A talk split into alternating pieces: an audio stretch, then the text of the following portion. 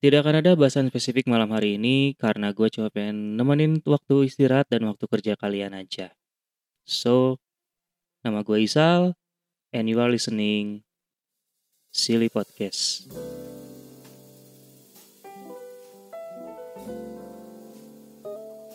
Hai teman-teman. Jadi setelah sekian lama, eh mungkin berapa bulan ya? Empat bulan atau lima bulan? Enggak sih, kayaknya nggak sampai lima bulan. Tapi lumayan lama juga gue nggak upload podcast. Akhirnya malam ini gue kangen lagi bikin podcast, Eh, kangen lagi rekaman, kangen lagi eh, ngutak-atik software. Dan mungkin bahasan malam ini cuma akan jadi teman tidur kalian, teman istirahat kalian gitu kan. Karena gue mungkin akan akan bercerita aja gitu loh, nggak akan ada bahasan spesifik yang berat gitu kan. Tidak akan ada bahasan-bahasan tentang eh, psikologi yang terlalu dalam gitu, atau tidak akan ada bahasan-bahasan seperti kapan gua nikah gitu kan. gue baru sadar setelah gue cek Spotify lagi gitu ya. Ternyata eh, beberapa episode itu, terutama episode-episode episode terakhir itu fokusnya ke eh, pernikahan, pasangan gitu kan, terus apa lagi ya, pokoknya hal-hal yang berbau relationship lah gitu. Dan maksudnya gua waktu itu memutuskan untuk membuat episode itu pun tidak tidak tidak yang benar-benar direncanakan banget enggak gitu loh teman-teman kalau pengen tahu eh, workflow gue ketika gue bikin podcast adalah ya kalau gue pengen rekaman gue rekaman udah itu aja. Nggak ada yang eh oh pekan ini kayaknya gue mau bahas ini pekan ini kayaknya gue mau bahas ini. Enggak gitu tapi eh, let it flow aja gitu. Ketika misalkan eh, di momen itu gue lagi pengen bahas A misalkan ya gue bahas A gitu. Ketika gue lagi pengen bahas B gue bahas B. Eh, mungkin terdengar sangat berantakan lalu eh, tidak profesional sekali gitu ya. Tapi eh, berhubung eh, kesibukan gue selain ngepodcast itu lumayan banyak juga gitu kan. Dan maksudnya gini eh, podcast kan bukan jadi main job gua gitu. Jadi otomatis eh, nggak ada pressure juga gitu loh buat buat ngelakuin eh, hal ini gitu loh. Gue mau jemput pekerjaan belum belum belum jadi pekerjaan juga gitu. Jadi ya ya gitu aja. Jadinya let it flow aja gitu loh. Nggak ada yang harus uh, gue rencanain banget gitu loh. Paling yang gue lakukan adalah gue uh, membuat poin-poin yang pengen gue bahas aja gitu. Supaya bahasan gue di episode itu tuh nggak ke mana-mana gitu loh. Walaupun kadang tetap jadi ke mana-mana juga sih. Tapi ya gitulah workflownya. Jadi ke mana aja gue dan ngapain aja gue mostly sih sebenarnya ya gue kerja gitu kan. Gue kerja terus menikmati hidup juga gitu dengan segala lika-likunya gitu. Eh, nabung gitu kan ya terus menyisihkan uang untuk masa depan walaupun ujung-ujungnya uangnya gue pakai juga gitu kan. Jadi eh semenjak gue lulus tuh gue mencatat bukan mencatat sih jadi kayak gue punya goals gitu. Eh, beberapa tahun ke depan apa aja sih yang harus sudah gue miliki gitu kan. Yang mana sebenarnya mungkin akan ter- terdengar childish tapi eh, itu yang bikin gua termotivasi untuk eh, melakukan apa pun tuh dengan profesional gitu aja gitu. Eh, contohnya contohnya. Eh, gua dari dulu pengen banget punya gitar sendiri gitu. Karena sebenarnya setiap project yang gua lakukan itu gue selalu pakai gitar orang lain gitu kan. Terus eh berhubung laptop yang gua punya itu eh, udah lumayan lama juga gitu kan. Gua pertama kali beli laptop itu adalah tahun 2012 ketika pertama kali masuk kuliah gitu kan. Itu pun dengan dengan segala problematikanya gitu ya.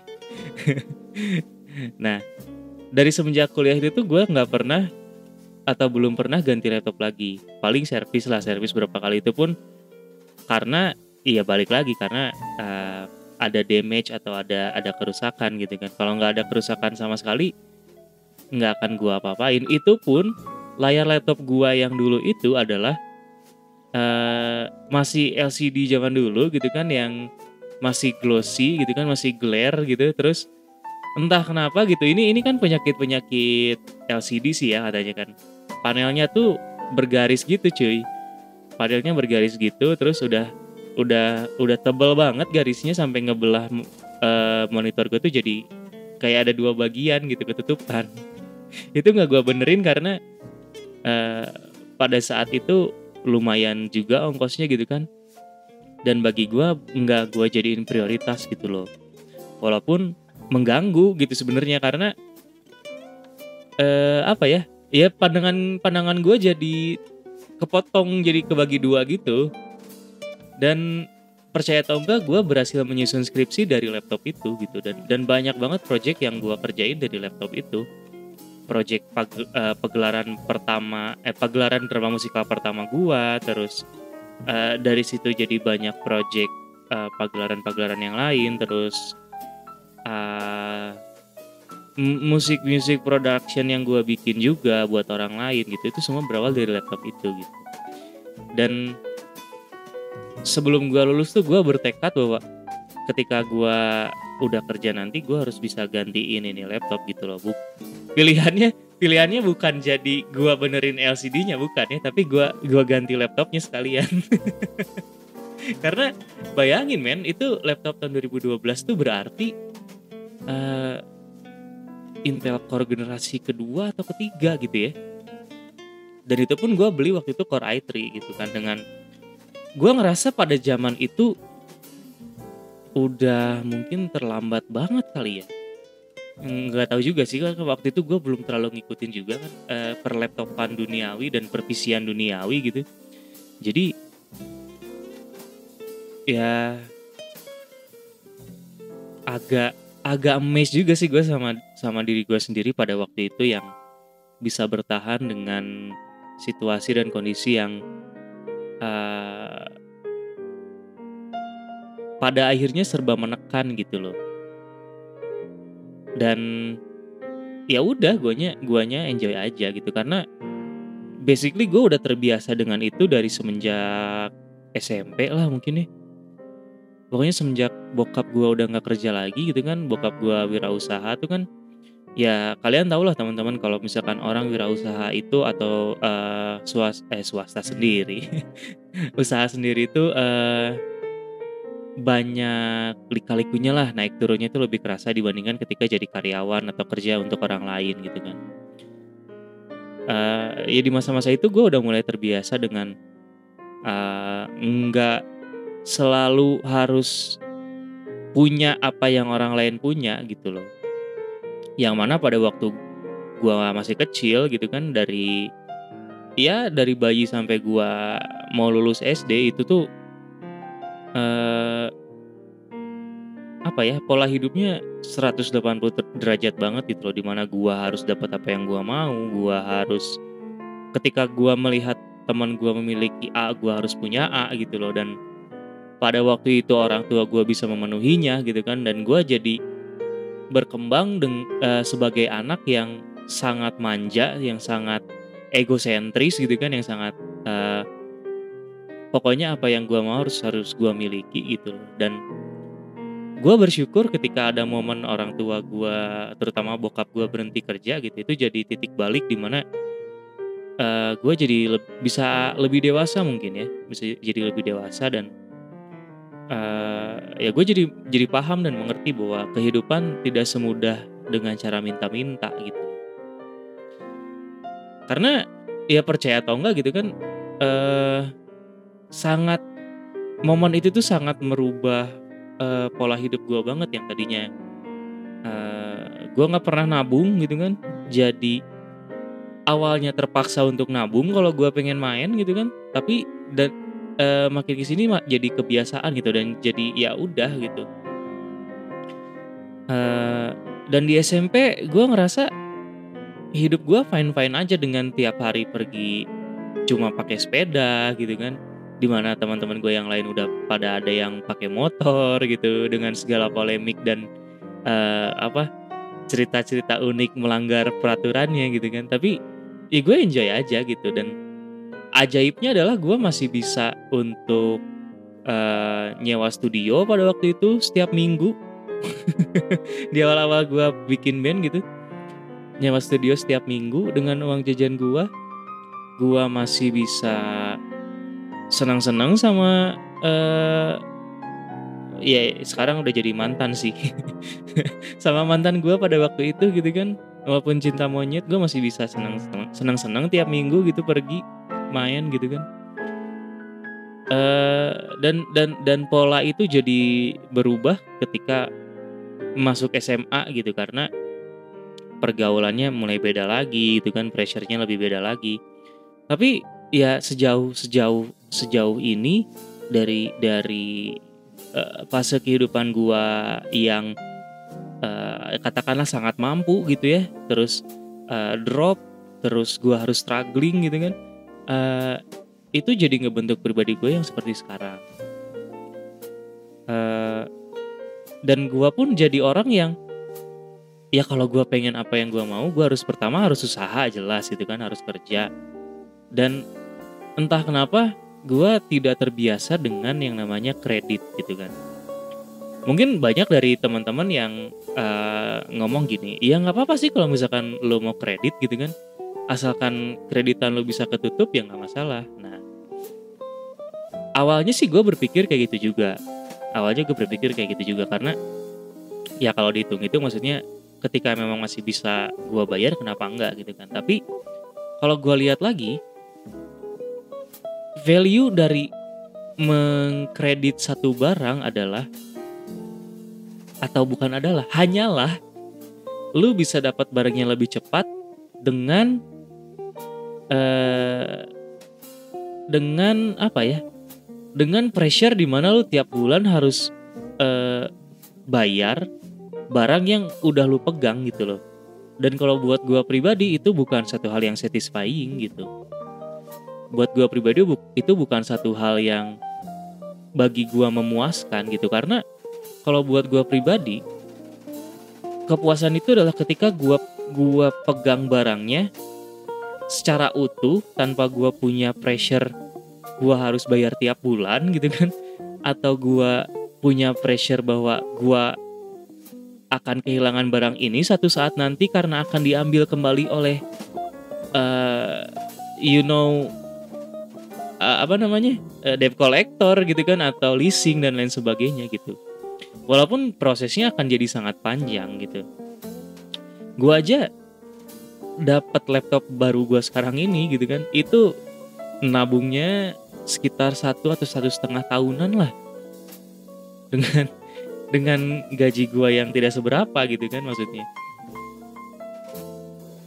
But ketika gue uh, beli barang ini itu feelnya beda gitu ketika lu lu nerima barang ini pakai tangan lu sendiri gitu loh. Lu buka barangnya lu buka bungkusnya lu cobain gitu dengan dengan perasaan yang ya nothing tulus aja gitu. Gue udah gue udah nggak ada hutang lagi gitu kan. Dan ya I don't know man ini bisa jadi kebiasaan yang baik atau ya nggak tahu juga sih. Maksudnya ketika gue nanti berkeluarga apakah gue masih bisa seperti uh, ini gitu pola hidupnya kan? Mm, mm, belum tentu juga gitu. Karena uh, ya mungkin jadi jadi jadi beda aja tuntutannya. Ya yang jelas sih pasti gue akan mengutamakan keluarga dulu gitu kan. Tapi uh, bentuk-bentuk uh, barang yang atau sesuatu yang akan gue beli itu kan nantinya akan jadi uh, barang atau sesuatu yang dikenang oleh keluarga gue juga gitu kan. Nah itu itu sih gue pengennya pengennya itu adalah ya seperti sekarang nggak nggak perlu yang buru-buru harus kredit dan segala macam. Kecuali kecuali mungkin gue gua bisa kasih pengecuali pengecualian untuk rumah mungkin. Kalau untuk rumah gue masih bisa kasih penge, pengecualian. Ya kecuali gue tiba-tiba ditelepon sama Microsoft gitu kan atau ditelepon sama uh, apa Apple gitu buat jadi brand ambassador mereka terus gue dapat duit banyak itu lain cerita gitu kan. Tapi tapi dengan kondisi gue seperti sekarang pengecualian gue cuma untuk itu cuma untuk rumah. Cuma untuk rumah. Kalau kalau kalau yang lain sih gue rasa gue masih bisa menahan diri untuk nabung gitu kan atau menikmati apa yang gue udah udah punya sekarang udah gue miliki sekarang tanpa harus uh, terlalu sering tergiur dengan apa yang orang lain miliki gitu aja sih. Dan ya uh, sebenarnya ya itu sih jadi jadi jadi uh, beberapa bulan ini tuh jadi lebih banyak fokusnya emang ke diri sendiri dulu. Walaupun emang seringnya masih fokus ke diri sendiri sih, belum belum ada yang nemenin juga gitu kan. Tapi uh, emang beberapa bulan itu gue lebih fokus buat menyenangkan diri gue sendiri terus memikirkan masa depan gitu. Dalam artian planning planning apa aja yang bisa gue lakukan yang mana planning planning awal gue itu udah hancur berantakan gara-gara covid gitu kan. Uh, eh, gue harus bikin planning cadangan gitu. Dan ya planning cadangan itu kan otomatis akan ngerubah rules hidup gue dari yang awalnya gue pengennya A bisa jadi A aksen atau B atau C gitu kan. Dan ya uh, air-air ini sih lebih lebih banyaknya ke sana. Lebih lebih berusaha mencari gimana gua sendiri bisa menyenangkan diri gua sendiri gitu. Gimana sih bahasanya? Ya ya intinya gitulah. Uh, karena jujur aja beberapa beberapa bulan ini tuh agak berat buat gue karena gue perlu meninjau ulang lagi ke diri gue sendiri apa sih yang bikin gue bahagia gitu loh. Apa sih yang bikin gue tidak merasa terbebani gitu kan.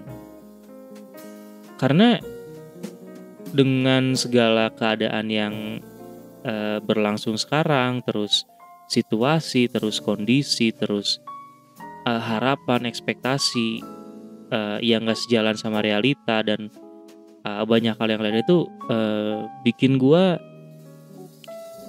sedikit merasa ah ya ngapain lagi? gitu. Gue mau ngapain lagi? I don't know man. Maksudnya lu pasti pernah ada di momen di mana lu lu stuck di satu titik dan lu nggak tahu mau ngapain lagi. Bukan karena lu sudah puas dengan apa yang lu dapatkan, tapi emang lu udah udah stuck aja, bingung nggak tahu mau ngapain lagi gitu kan. Nah, uh, pada saat itu, bukan pada saat itu sebenarnya, pada saat gue merasakan itu kemarin, uh, jadi banyak hal yang gua rasa gua mesti tinjau ulang uh, skalanya gitu kan skala prioritasnya. Dan di tengah di tengah proses refleksi diri itu gitu kan atau di tengah proses uh, kontemplasi diri itu gue lebih suka atau lebih senang dengan ya udah mengalam dengan diri gue sendiri dulu aja gitu. Apa sih yang bikin gue seneng? Gue gue me mencoba untuk menyenangkan diri gue bukan menyenangkan membuat diri gue senang aja gitu. Gue tidak ingin uh, terpapar dengan sosial media yang hingar-bingar dan penuh kepalsuan dan lain sebagainya gitu kan. Terus gue tidak ingin terpapar dengan tuntutan tanggung jawab uh, beban lalu ekspektasi yang diharapkan oleh orang lain kepada gua gitu. Dan dan gue jadi berakhir lepas dari realita aja gitu. Dan uh, hidup gue jadi dalam beberapa sisi jadi agak sedikit monoton sebenarnya. Karena karena gue mungkin mencari kali ya. Tapi uh, energi gue itu udah habis untuk menyelesaikan tanggung jawab di realitanya gue gitu. Yang mana jadinya cara gue untuk menyenangkan diri gue sendiri adalah dengan istirahat, dengan uh, main games gitu kan, dengan bikin cover lagu, walaupun nggak sesering dulu sih. Jadi polanya berubah.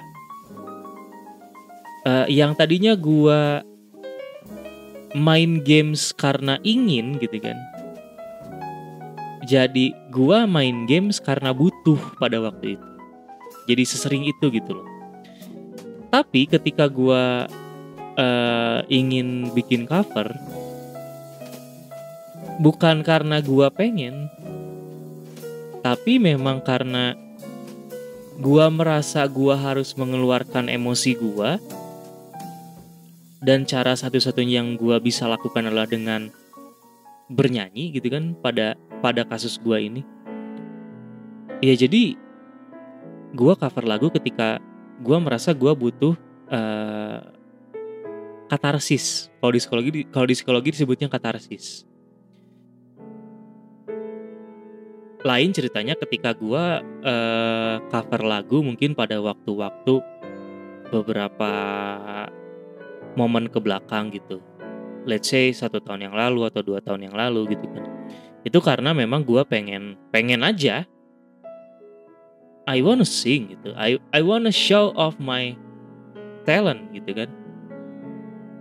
Tapi kalau kalau air-air ini ya gue bernyanyi karena gue ingin melampiaskan emosi yang mana jadinya lagu yang gue pilih pun eh, bukan lagi soal preferensi, tapi lebih ke apakah lagu ini bisa mewakili emosi gue sekarang atau enggak gitu. Dan ya mungkin kalau buat orang lain ngelihatnya uh, seperti gua-gua pada momen-momen dulu aja gitu kan yang masih suka cover dan lain sebagainya. But uh, meaning dari ngecover lagu itu jadi beda aja kemarin-kemarin. Gitu juga dengan podcast gua malam ini gitu. Ya base-nya sama, emang lagi pengen, tapi tapi ternyata gua lagi butuh lagi butuh pelampiasan nih gitu kan. Gua lagi butuh katarsis nih. Gua lagi butuh um, sesuatu yang bisa gua jadikan tempat sampah gitu loh.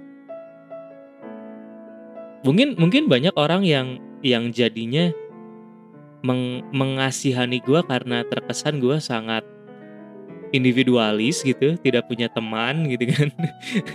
Tidak punya uh, tempat untuk bercerita gitu mungkin mungkin beberapa dari kalian mulai berpikir bahwa kenapa sih lu nggak cerita sama orang tua lu cerita sama saudara lu gitu cerita sama teman-teman lu well gue bukan orang yang terbiasa cerita sama keluarga sebenarnya.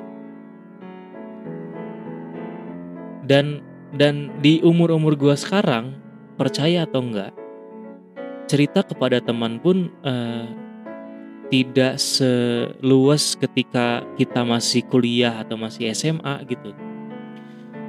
Ya di umur-umur kita sekarang kan idealnya tuh udah berkeluarga gitu kan udah punya urusan rumah tangga masing-masing gitu mungkin ada yang udah punya anak juga gitu kan dan dan ketika kita udah tahu bahwa teman kita itu sudah punya rumahnya sendiri gitu itu jadi jadi satu jadi satu barrier tambahan buat kita ketika kita ingin uh, cerita atau ingin curhat tuh jadi jadi sangat melihat situasi dan kondisi banget gitu Karena karena jadi nggak mungkin kita mencurahkan banyak hal kepada orang lain yang sudah punya masalahnya pribadi dengan perahunya sendiri gitu loh.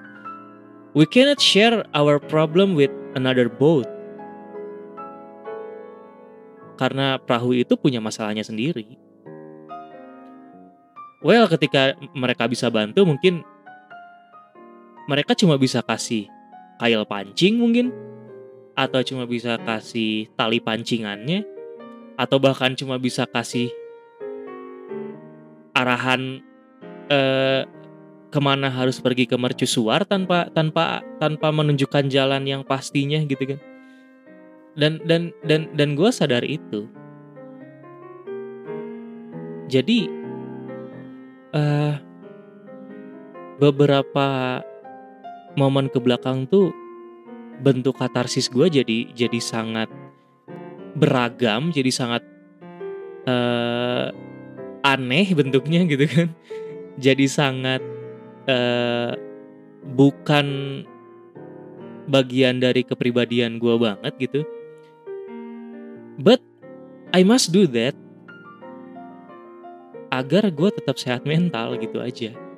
Di tengah di tengah uh, apa namanya? Di tengah situasi sekarang yang makin gak karuan ini gitu loh. Dan dan dan gue jadi belajar bahwa uh, ya udah ngapain ngapain gue harus memusingkan uh, bagaimana pendapat orang lain tentang gue ketika gue ingin melakukan A, B, C, dan D gitu. Karena balik lagi yang gue kejar kemarin adalah gue ingin menyenangkan diri gue sendiri. Gue baru sadar mungkin gue terlalu banyak atau gue terlalu sering berusaha menyenangkan orang lain, tapi gue jarang memperhatikan diri gue sendiri dan membuat uh, pribadi gue sendiri senang gitu. Gue terlalu berusaha untuk bagaimana caranya orang lain bisa melihat uh, diri gue itu menyenangkan dalam artian ketika ketika ketika ada kehadiran gue di sana tuh bisa membuat mereka senang gitu. Dengan apa pun bentuknya ya. Dengan jokes dengan gestur gue dengan uh, kerjaan gue anything. Tapi gue lupa dengan sisi di mana gue pun harus ikut bahagia gitu. Gue pun harus bisa merasakan kebahagiaan yang mereka rasakan ketika gue mere membuat mereka bahagia. That's the point. Gue ada di, di titik di mana kayaknya gue mesti stop dulu berbagai hal yang nggak bikin gue seneng deh gitu gue harus bisa membagi hidup gue yang nggak seberapa ini gitu menjadi bagian-bagian yang gue bisa nikmati gitu. Dalam artian gue harus punya sisi di mana ini sisi gue ke banyak orang ke tempat kerja ke teman ke lingkungan gitu kan. Tapi gue harus punya sisi sisi di mana cuma diri gue sendiri aja yang bisa nikmatin sisi di mana cuma diri gua aja yang bisa tahu gitu kan sisi di mana cuma diri diri gua aja yang bisa nyaman tanpa orang lain harus peduli uh, apa yang ada di sisi tersebut gitu jadi itulah alasannya kenapa uh, beberapa bulan ini gua tidak banyak melakukan hal-hal produktif sebenarnya jadinya gitu kan karena ya lebih sering berusaha menyenangkan diri sendiri dulu aja. Dan gue harap sih sebenarnya teman-teman bisa merasakan, eh bukan merasakan, teman-teman bisa berusaha untuk melakukan hal itu juga gitu loh. Karena seperti yang udah gue bilang tadi, terkadang kita terlalu sering berusaha untuk menyenangkan hati orang lain, tapi kita sendiri lupa bahwa kita per, kita sendiri pun perlu dibuat bahagia loh. dan caranya bisa macam-macam mungkin buat teman-teman yang hobinya jalan-jalan walaupun di tengah pandemi kayak gini lu pengen jalan-jalan dengan segala segala, segala resikonya ya why not? Selama itu bikin lu seneng. Ketika ada teman-teman yang mungkin sukanya belanja tapi lu nggak punya duit banyak gitu ketika lu pengen belanja dengan segala resikonya ya silakan lakukan. Dengan catatan lu sudah sudah sudah bisa bertanggung jawab atas apa yang akan lu lakukan tersebut gitu loh. Jangan sampai lu lu berusaha untuk membahagiakan diri lu sendiri tapi lu tidak bertanggung jawab atas hal tersebut dan membuat uh, apa ya membuat lingkungan di sekitar lu menjadi merasa terganggu aja atau lu merugikan orang lain gitu loh yang yang perlu diingat adalah kebahagiaan lu itu tetap punya batasan. Seenggaknya itu yang gue pahami setelah beberapa bulan ini. kebahagiaan lu itu punya batasan. Batasan itu adalah uh, ketika sesuatu yang membuat lu bahagia itu bersinggungan dengan kepentingan orang lain, perasaan orang lain dan hal-hal lain yang menyangkut orang lain. Ini akan jadi terdengar kontradiktif dengan pernyataan gue beberapa menit yang lalu, tapi ada berbagai cara di mana kita bisa membuat diri kita bahagia gitu kan, memenuhi rasa kebahagiaan itu tanpa perlu merugikan orang lain sebenarnya. Jadi coba temukan apa yang membuat lu bahagia. Coba temukan meaning dari setiap hal yang lu lakukan pada saat ini. Coba temukan tujuan untuk apa lu melakukan hal tersebut sampai berdarah-darah di saat sekarang. Karena pada intinya diri kita akan kembali ke diri kita. Yang intinya sebenarnya kebahagiaan kita itu ya kita sendiri yang nentuin. Bukan orang lain. Lu yang tahu apa yang membuat lu bahagia, lu yang tahu kapan lu harus bahagia dan lu yang tahu bagaimana caranya lu bisa bahagia. Itu aja mungkin teman-teman buat malam ini.